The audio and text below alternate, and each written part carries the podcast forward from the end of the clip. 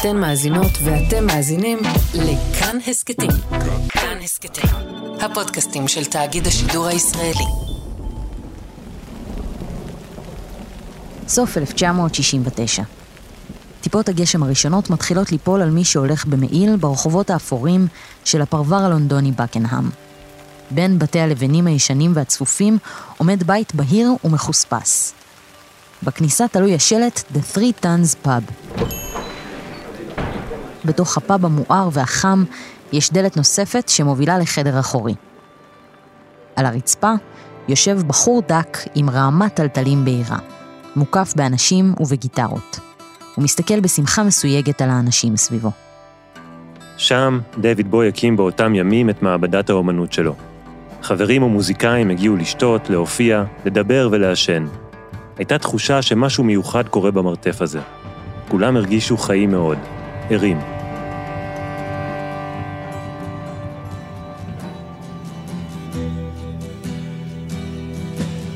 כולם חוץ מדייוויד בוי. בתקופה ההיא בוי היה אבוד. כמעט עשור של חיפוש טורדני הסתיים במילים Ground Control to Major Tom.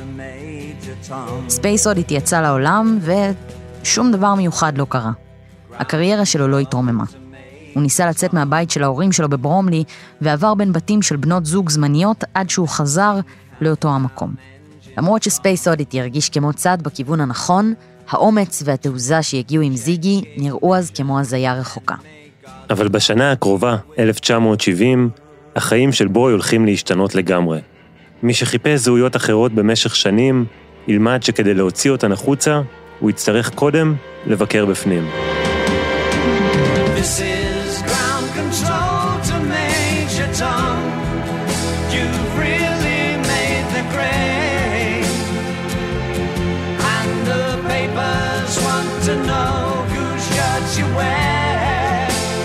היי, hey, אתם על זיגי, הסכת חדש מבית כאן 88 הסכתים במלאת 50 שנה לאלבום Ziggy Stardust. אני גיל מטוס. אני נוגה קליין. בפרק הזה נמשיך את הדרך הארוכה לזיגי, והפעם בתקופה קצרה אבל עמוסה. אחרי שבו יניח את האבן הראשונה במקום הנכון עם ספייס אודיטי, החושים שלו מתחדדים. אבל הרבה מים יזרמו בנהר, הרבה שמחה והרבה כאב, עד שהוא יוכל להגיע לחלק הבא בתמונה, האלבום הכי אישי שלו. צעד נוסף בדרך להתפרצות של זיגי.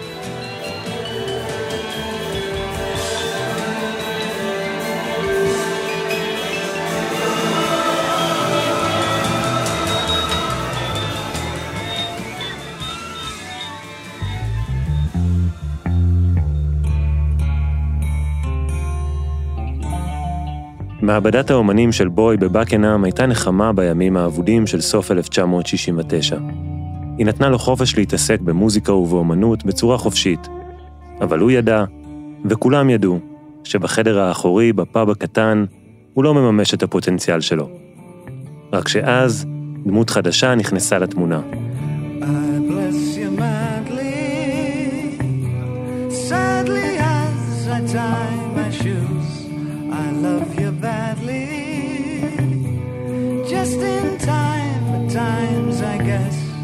מרי אנג'לה ברנט, אנג'י, הייתה אישה שקשה מאוד להגיד לה לא. בשיער בלונדיני קצר, תווי פנים חזקים ומבט ישיר וחד שכולו חוצפה, כבר בגיל 20 אנג'י הצליחה ללמד את בוי כמה דברים על העולם. הייתה ביניהם משיכה חזקה שהפכה למערכת יחסים בלתי נמנעת. למרות הניצוץ והכריזמה של בוי, אנג'י הייתה דמות לא פחות מהפנטת ממנו. היא נולדה בקפריסין ב-1949, בת לאיש צבא אמריקאי שסירב לקבל דרגות גנרל ונחשב למורד במסגרת הצבאית. והמרדנות הזו עברה גם אליה. אנג'י גדלה להיות צעירה לוחמנית וחסרת מעצורים בכל מה שקשור למיניות. היא הייתה ביסקסואלית מוצהרת, אישה אינטליגנטית, דעתנית ושאפתנית. יחד עם בוי והנטייה המשותפת שלהם לחופש מיני ולמשחק אנדרוגיני, הם שברו את חוקי המגדר לפני שמישהו בכלל דיבר עליהם. כבר מהרגע הראשון, מערכת היחסים של בוי ואנג'י הייתה קשורה באופן ישיר לקריירה שלו. אנג'י עבדה בחברת התקליטים מרקיורי בגילוי וטיפוח כישרונות, ובוי הפך לאחד הפרויקטים הראשונים שלה. הם נפגשו ב-1969 באירוע של החברה.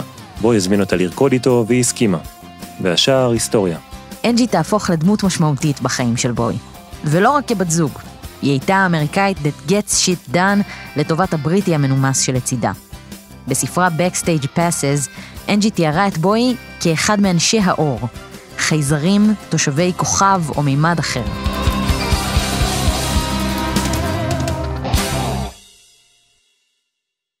אחרי תקופה מבולבלת במעבדת האומנים, בוי מצא מחדש את הנחישות, והקריירה שלו התחילה לחזור למסלול.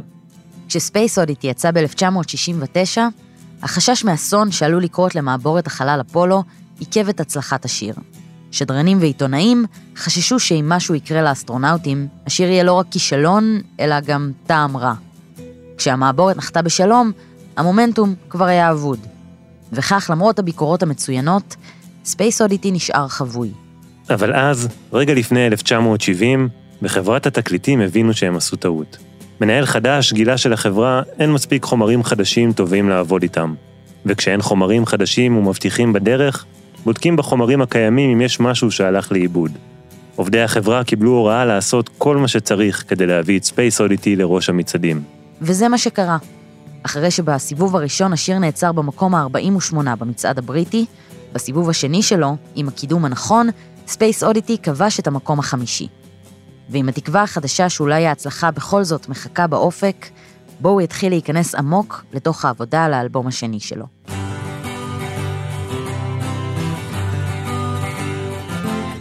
לעבודה על האלבום השני נכנס אדם נוסף שיהפוך לדמות מפתח בדרך לזיגי ובקריירה של בואי. טוני ויסקונטי הגיע כמפיק ועבד על כל שירי האלבום, הוא הבין את המוזיקה של בוי ואת הסיפורים שהוא מנסה לספר בשירים שלו.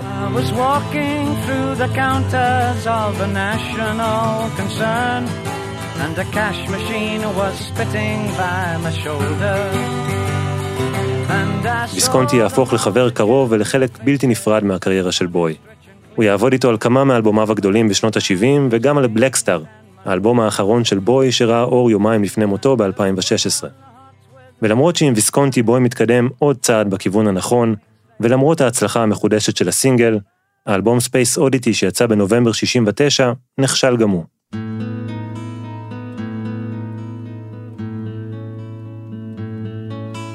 כשהאלבום השני יצא, הכישלון שלו היה הצרה הכי קטנה של בואי. בזמן העבודה על האלבום ב-69, הגיע אחד האירועים הטראומטיים בחיים שלו. בגיל 56, הייווד סטנטון ג'ון ג'ונס, אבא שלו, חלה בדלקת ריאות שהסתבכה. הוא מת מוות פתאומי ולא צפוי. האובדן הזה, בלי שום אזהרה, ערער כל חלק בנפש של בוי. המוות של אבא שלו פער בתוכו חלל חדש, תהום שמאיימת לבלוע אותו. טוני ויסקונטי אמר שבאותם ימים בואי נראה כמו מישהו שהתבגר לגמרי בתוך רגע אחד. האלבומים, הקריירה והתדמית אלה זזו הצידה. הם פינו את מקומם לימים של שפל.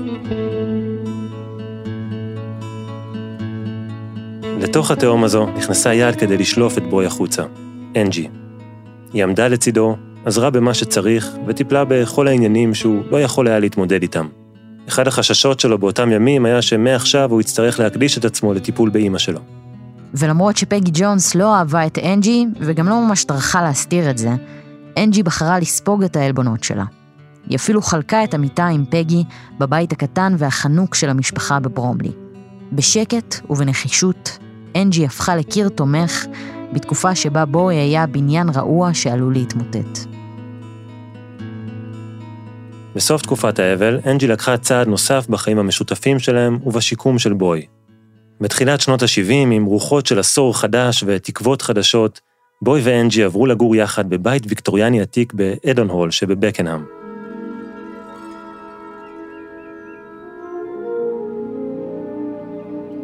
וככה אנג'י תיארה את המקום. חיפשתי בשבילנו בית, ואוי, כמה שהחיפוש הזה הצליח. הדון הול היה מרהיב. דמיינו את זה, אתם עולים בשיפוע המתון של הכביש הראשי לבקנהאם. אחד מפרברי דרום לונדון היוקרתיים והעדינים יותר. שפע של צבע ירוק וחסד שקט ועמוק.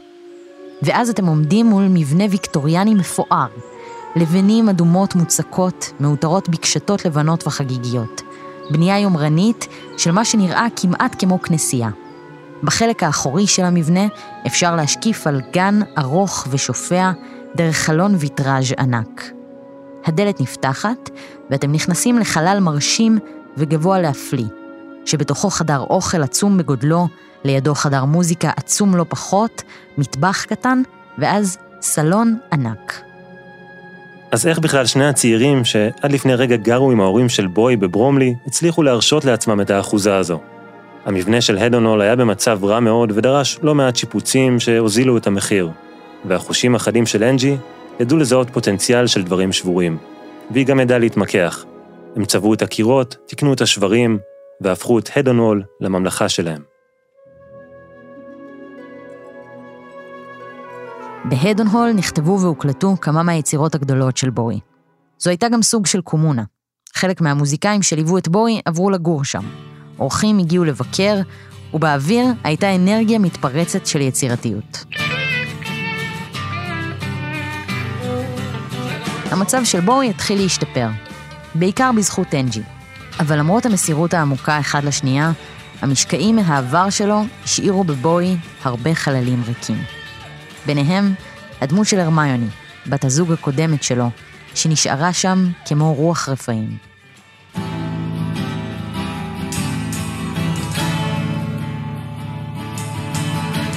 עוד לפני שהוא ואנג'י עברו לגור ביחד, כשאנג'י הציגה בפניו את החזון שלה לגבי העתיד שלו, הוא שאל אותה אם היא מסוגלת להתמודד עם העובדה שהוא לא אוהב אותה.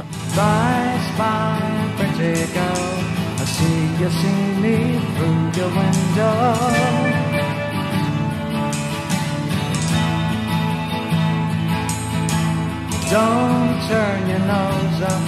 Well, you can if you need to, you won't be the first or יכול להיות שבוי פחד להתאהב שוב אחרי הרמיוני, יכול להיות שהוא ניסה לשמור על עצמו מעוד חוויית נטישה, בעיקר אחרי המוות של אבא שלו.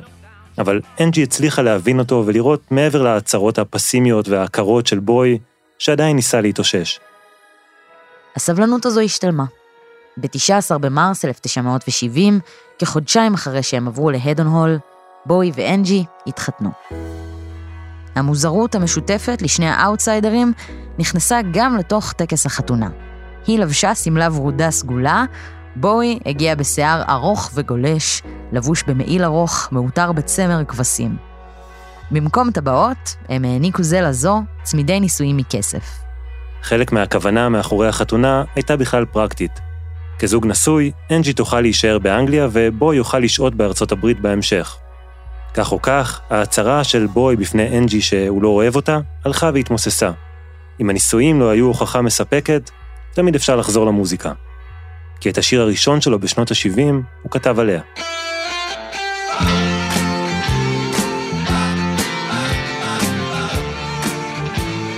The Prettiest Star הוקלט ב-8 בינואר 1970, ביום הולדתו ה-23 של בוי. השיר הזה היה משמעותי לא רק בהקשר של אנג'י, אלא גם בזכות מי שמנגן בו בגיטרה חשמלית. דמות נוספת שתשפיע מאוד על הסאונד שלו כמוזיקאי, חבר ויריב של בוי. מי שבתוך זמן קצר יהפוך לכוכב הפופ הגדול באנגליה, ולאחד המתחרים הבולטים שלו באותם ימים, מרק בולן.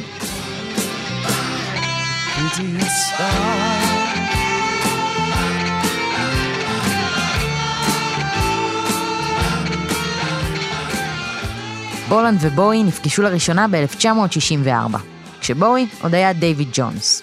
שני המתחרים על כתר מלך הגלם נפגשו בנסיבות שאין בהן אפילו טיפה אחת של גלם. הם סיידו יחד את המשרד של האמרגן המשותף שלהם כדי להרוויח קצת כסף. תוך כדי העבודה הסיזיפית והמלכלכת, מרק התלהב מהנעליים של בואי, ובואי שאל את מרק איפה הוא השיג את החולצה שלו. ולמרות ששניהם היו עדיין נובדיז, הם השוויצו אחד בפני השני על מי הולך להיות כוכב גדול יותר. היום התשובה לשאלה הזו ברורה, אבל האמת היא שעד זיגי, מרק בולן הוביל.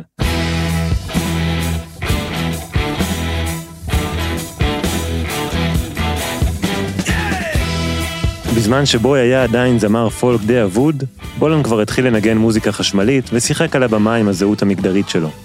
ב-1970 בולן הפך את הרכב הפולק שלו לטירקס, להקת גלם רוק בועטת שעשתה משהו חדש. בתוך שנה הם כבר כבשו את המצעד הבריטי.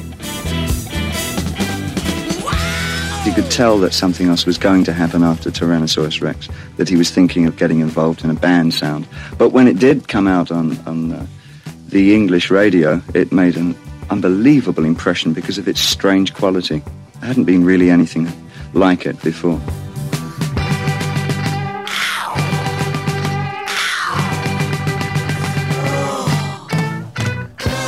הגלם רוק הוא פוגעני, שטחי וממוסחר. הוא משקף תרבות שמסרסת את הגבריות. במילים האלה השתמשו חוקרי מוזיקה בתחילת ה-70's כדי לתאר את התופעה החדשה והנוצצת ברוק הבריטי. ובדיוק בתפיסה הזו חלוצי הגלם רצו לבעוט. מבחינתם, לובשי הג'ינסים המשעממים של הפסיכדליה והפולק ייצגו סצנה שהזדקנה בטרם מת, ובעיקר, כזו שלוקחת את עצמה יותר מדי ברצינות. אז מה הייתה התשובה שלהם? נעלי פלטפורמות, נצנצים, איפור, שמלות ותחפושות, ששאבו השראה מאלוויס וליטל ריצ'ארד, דרך הקברט ועד למדע בדיוני ויצורים מיתולוגיים. אם זה מצלצל מוכר, אתם צודקים. אלה כל הנקודות שבואי ביקר בהן בעשור הקודם. הגלם לא פחד לשבור את הגבריות השמרנית. הוא רצה את זה. הוא רצה לבעוט בה ולעשות הרבה רעש תוך כדי. זו הייתה תנועה ויזואלית ומוזיקלית במקביל. הסאונד של הגלם רוק שילב גיטרות מהרוק אנד רול של שנות ה-50 עם פופ מלודי ומתוק. מקצבים מהירים ופאנקיים, יחד עם ריפים חשמליים שנלקחו מההארד רוק. את התערובת הזו סיננו דרך הפילטר של שיטות הפקה חדשות והתפתחויות טכנולוגיות של סוף ה-60's. ולמרות שתור הזהב המטורף והצבעוני של הגלם התחיל לדעוך כבר מאמצע שנות ה-70, התנועה הזו השפיעה מאוד על ההתפתחות של תנועות מוזיקליות אחרות, פאנק, גלם מטאל ורוק גותי.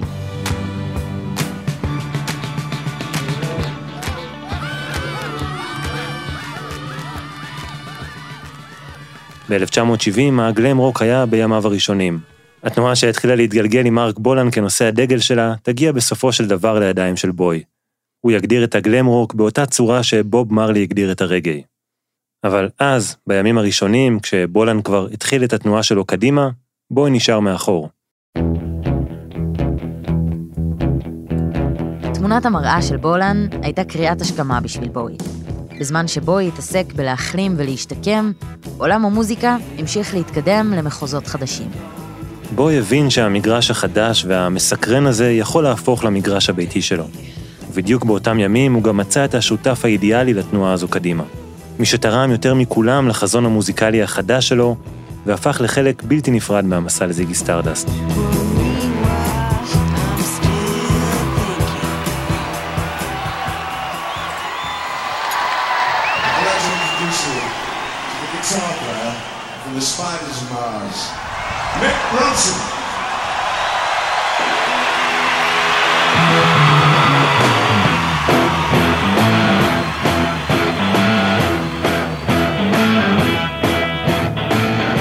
אי אפשר להבין את המהפך שעבר בואי בתחילת שנות ה-70 בלי נגינת הגיטרה הקשוחה והמחוספסת של מיק רונסון.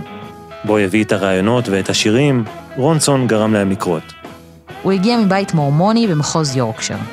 כילד הוא חלם לנגן על צ'לו, אבל המפגש הראשון שלו עם רוק אנד רול שינה את הכיוון למיתרים מסוג קצת אחר. ב-1965 רונסון נסע ללונדון וניסה להתפרנס שם ממוזיקה. אבל הוא בקושי מצא עבודה וחי מהיד לפה. מאוכזב ועני, רונסון חזר לעיר הולדתו ועבד שם כגנן. הגינות ומכסחות הדשא אולי הכניסו כסף, אבל רונסון רצה לעשות מוזיקה. כשחבר שלו מיורקשר, שעבד עם בואי על האלבום ספייס אודיטי, הציע לו להצטרף להרכב, רונסון הבין שאין לו מה להפסיד. הוא ארז תיק, ויומיים מאוחר יותר, בחמישה בפברואר 1970, הוא כבר ליווה את בואי בסשן ב-BBC.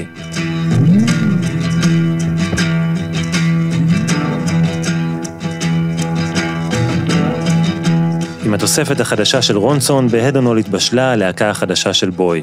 בין הקירות הלבנים המפוארים, אנג'י תחזקה את הבית ודאגה להאכיל את המוזיקאים שניגנו כל יום מהבוקר עד הלילה. ובזכות אנג'י הגיע גם חזון חדש ותיאטרלי ללהקה. הם יהיו דמויות בתחפושות. בואי היה ריינבומן, טוני ויסקונטי על הבאס היה הייפמן. מיק רונסון הגיטריסט היה גנגסטרמן, והמתופף ג'ון קיימברידג' היה קאובוימן. כולם היו לבושים בתחפושות שאנג'י תפרה עבורם במיוחד. קראו להם ההייפ, והם הופיעו לראשונה בסוף פברואר 1970 בהופעה הזויה והיסטורית.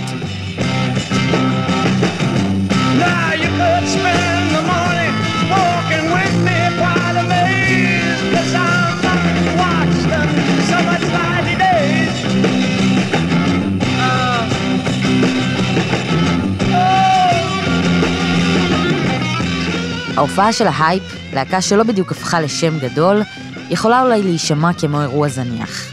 אבל זה היה הרגע שבו דיוויד בואי הצטרף רשמית למשחק. לימים טוני ויסקונטי קרא ללילה הזה הלילה הראשון של הגלם רוק. אפילו מרק בולן ספג שם השראה, למרות שהוא יכחיש את זה בהמשך.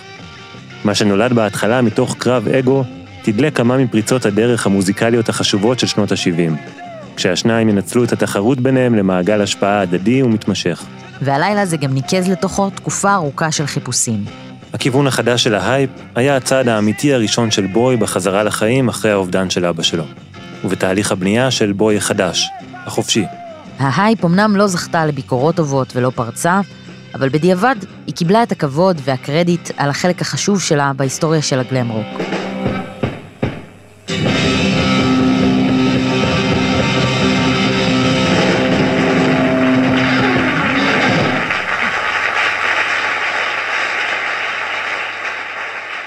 עם הכיוון המוזיקלי החדש, הגיעו גם שינויים בהנהלה.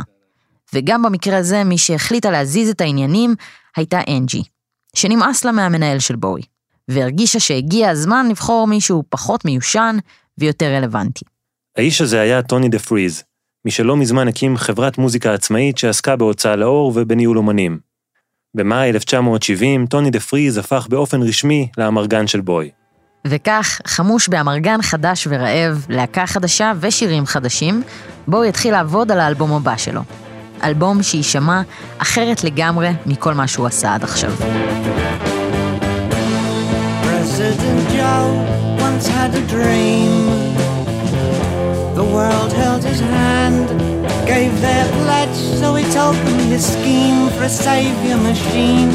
זה כבר לא בואי של ה sixties. אין פה ניסיון נואש לייצר להיטים ולפרוץ. ההפך הוא הנכון.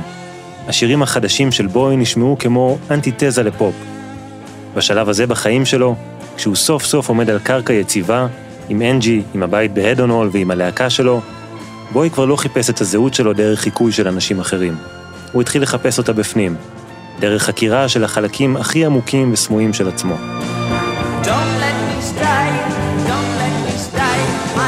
Logic says burn, so send me away. Your minds are too green, I despise all I've seen. You can't stake your lives on a savior machine.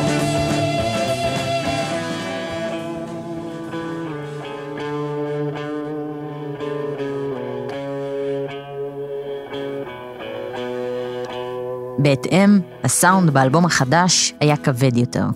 מושפע מלהקות כמו לד זפלין ובלק סבת. אבל התוכן הגיע כולו ממעמקי הנפש של בואי, ומתהליך ההתבגרות המזורז שהוא עבר בחודשים האלה. כבר מיריית הפתיחה, אפוס של למעלה משמונה דקות, אפשר לשמוע שיש כאן משהו אחר.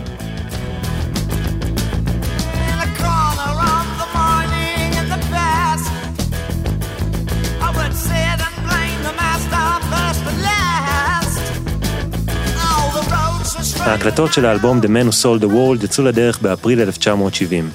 בואי גייס מתופף חדש בשם וודי וודמנסי.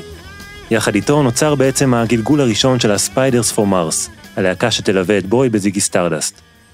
אחת הסיבות לעומק ולמוזרות הכבדה באלבום הזה, היא הפחדים מהעבר שהגיעו לביקור. באותם ימים טרי, אחיו החורג והגדול של בואי, הגיע להדון הול וגר שם במשך חודש.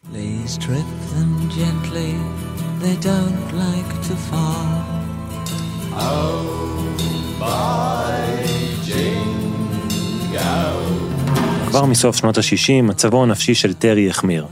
הוא היה מגיע לבקר בהדון הול בחופשות שלו מבית החולים הפסיכיאטרי קיין היל שבו הוא היה מאושפז.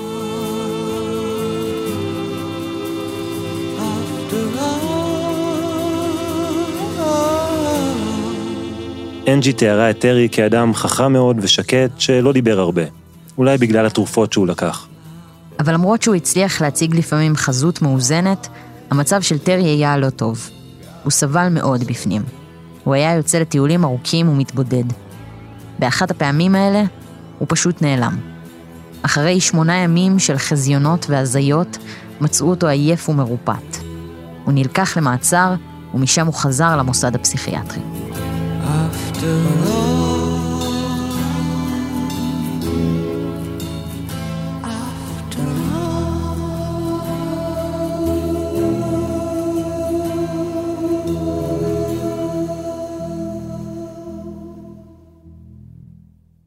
ההידרדרות הנפשית של טרי חדרה למקומות הכי פנימיים של בוי. החרדה למצב של אחיו, והפחד העתיק מהשיגעון של עצמו שאורב בפינה. זה היה בלתי נמנע שהחרדה תחלחל גם אל השירים עצמם. ב-All the Madman, השיר הראשון שהוקלט לאלבום, בוי שר על היחס של העולם הלכאורה שפוי למי שנתפס כחולה. הוא שר, אני מעדיף להישאר כאן עם כל המשוגעים, מאשר לגבוה עם האנשים העצובים שמסתובבים חופשי.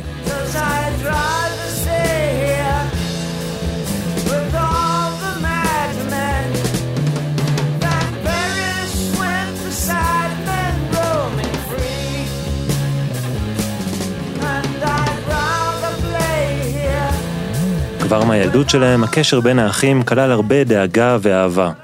אבל גם פחד גדול של בוי להיבלע בענן השחור של אחיו. פחד שיהיה שם עד הרגע האחרון.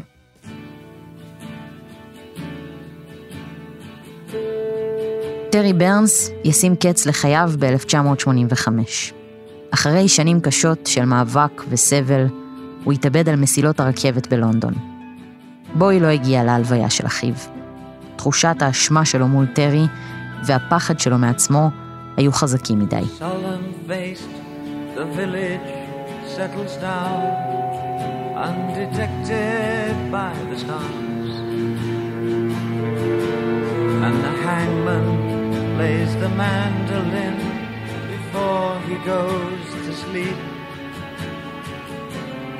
And the last thing on his mind is the wild-eyed boy imprisoned neath the covered wooden shaft. בזמן שעבר בין הכתיבה של Space Oddity לכתיבה של האלבום השלישי, בואי הפך לאיש אחר, מפוכח יותר.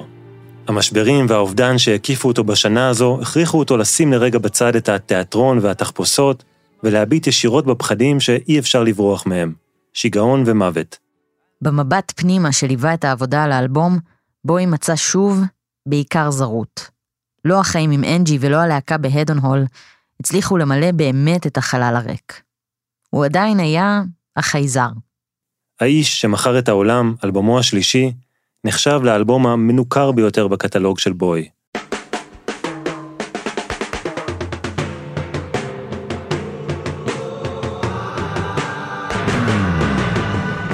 הזרות היא אחד הנושאים של האלבום, אבל היא מתערבבת בו עם טירוף, מלחמות ומחשבות דיסטופיות. התכנים האלה משתלבים עם המשיכה הקבועה למדע בדיוני, והניסיונות של בוי להבין את הכתבים של ניטשה. הכובד של התוכן הגיע עם הסאונד שהיה לא פחות כבד, כמעט מטאלי. בחברת התקליטים לא התרגשו מהסאונד הכבד כמו שהתרגשו מהעטיפה. אפשר לראות עליה את בוי עם שיער ארוך וגולש, לבוש בשמלה ארוכה שמטשטשת לגמרי את המגדר שלו. שמלה של גברים, לדבריו. העטיפה הזו הייתה צעד אמיץ בפני עצמה. זה היה ההפך המוחלט ממה שציפו אז מאלבומי רוק כבדים. בזמן אמת הוא קיבל כמה ביקורות מצוינות, אבל מסחרית, גם האלבום הזה נכשל. הוא לא קודם או שווק בשום צורה, ובוי לא יצא לסיבוב הופעות. זו הסיבה לכך שגם היום מדובר באלבום יחסית נידח ולא מתוגמל בקנון שלו.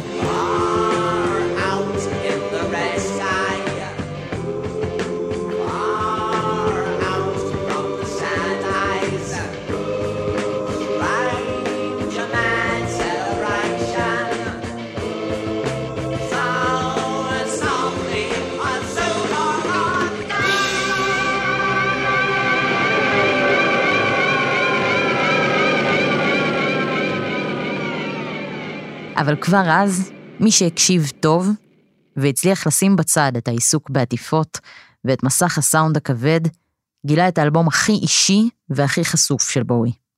אחת הפעמים הבודדות בקריירה שלו, שבהן הוא לא עטה על עצמו שום מסכות.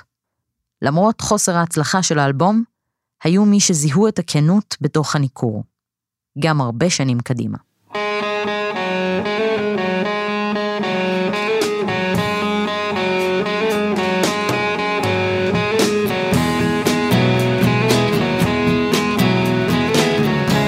בנובמבר 1993 להקת נירוונה הוזמנה להתארח בסדרת ההופעות האקוסטיות של ערוץ MTV. אלבום ההופעה שלהם זכה בגרמי והפך לאחד האלבומים הגדולים של שנות ה-90. דרך האלבום הזה, העולם גילה מחדש שיר ישן. המחווה של נירוונה לשיר הנושא של The Man Who Sold the World הציגה אותו לדור חדש והביאה את השיר לראשונה למיינסטרים.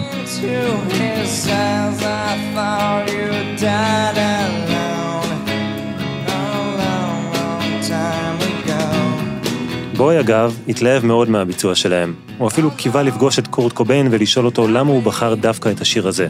אבל הוא לא הספיק. שבעה חודשים מאוחר יותר, קוביין שם קץ לחייו בגיל 27.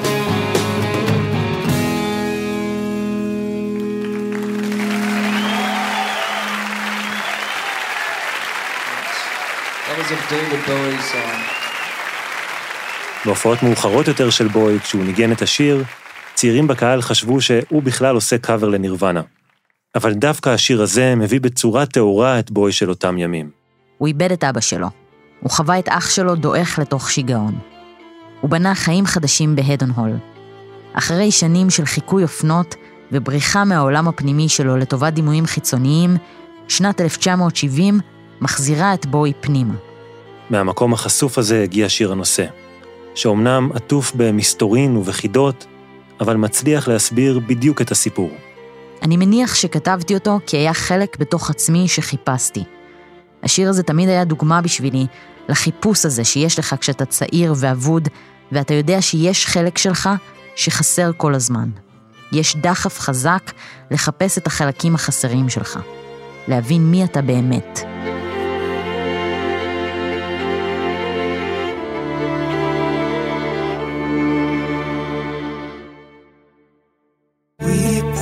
Passed upon the stairs.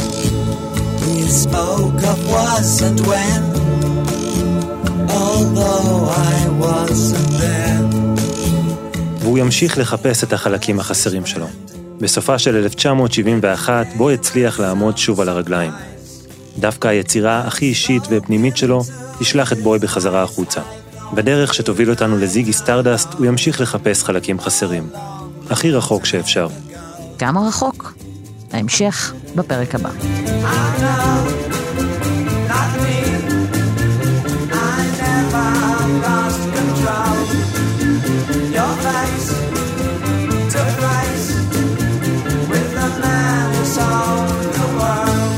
האזנתם לפרק השני של זיגי, מיני סדרה מבית כאן 88 הסכתים לציון 50 שנה לאלבום זיגי סטארדסט של דיוויד בואי.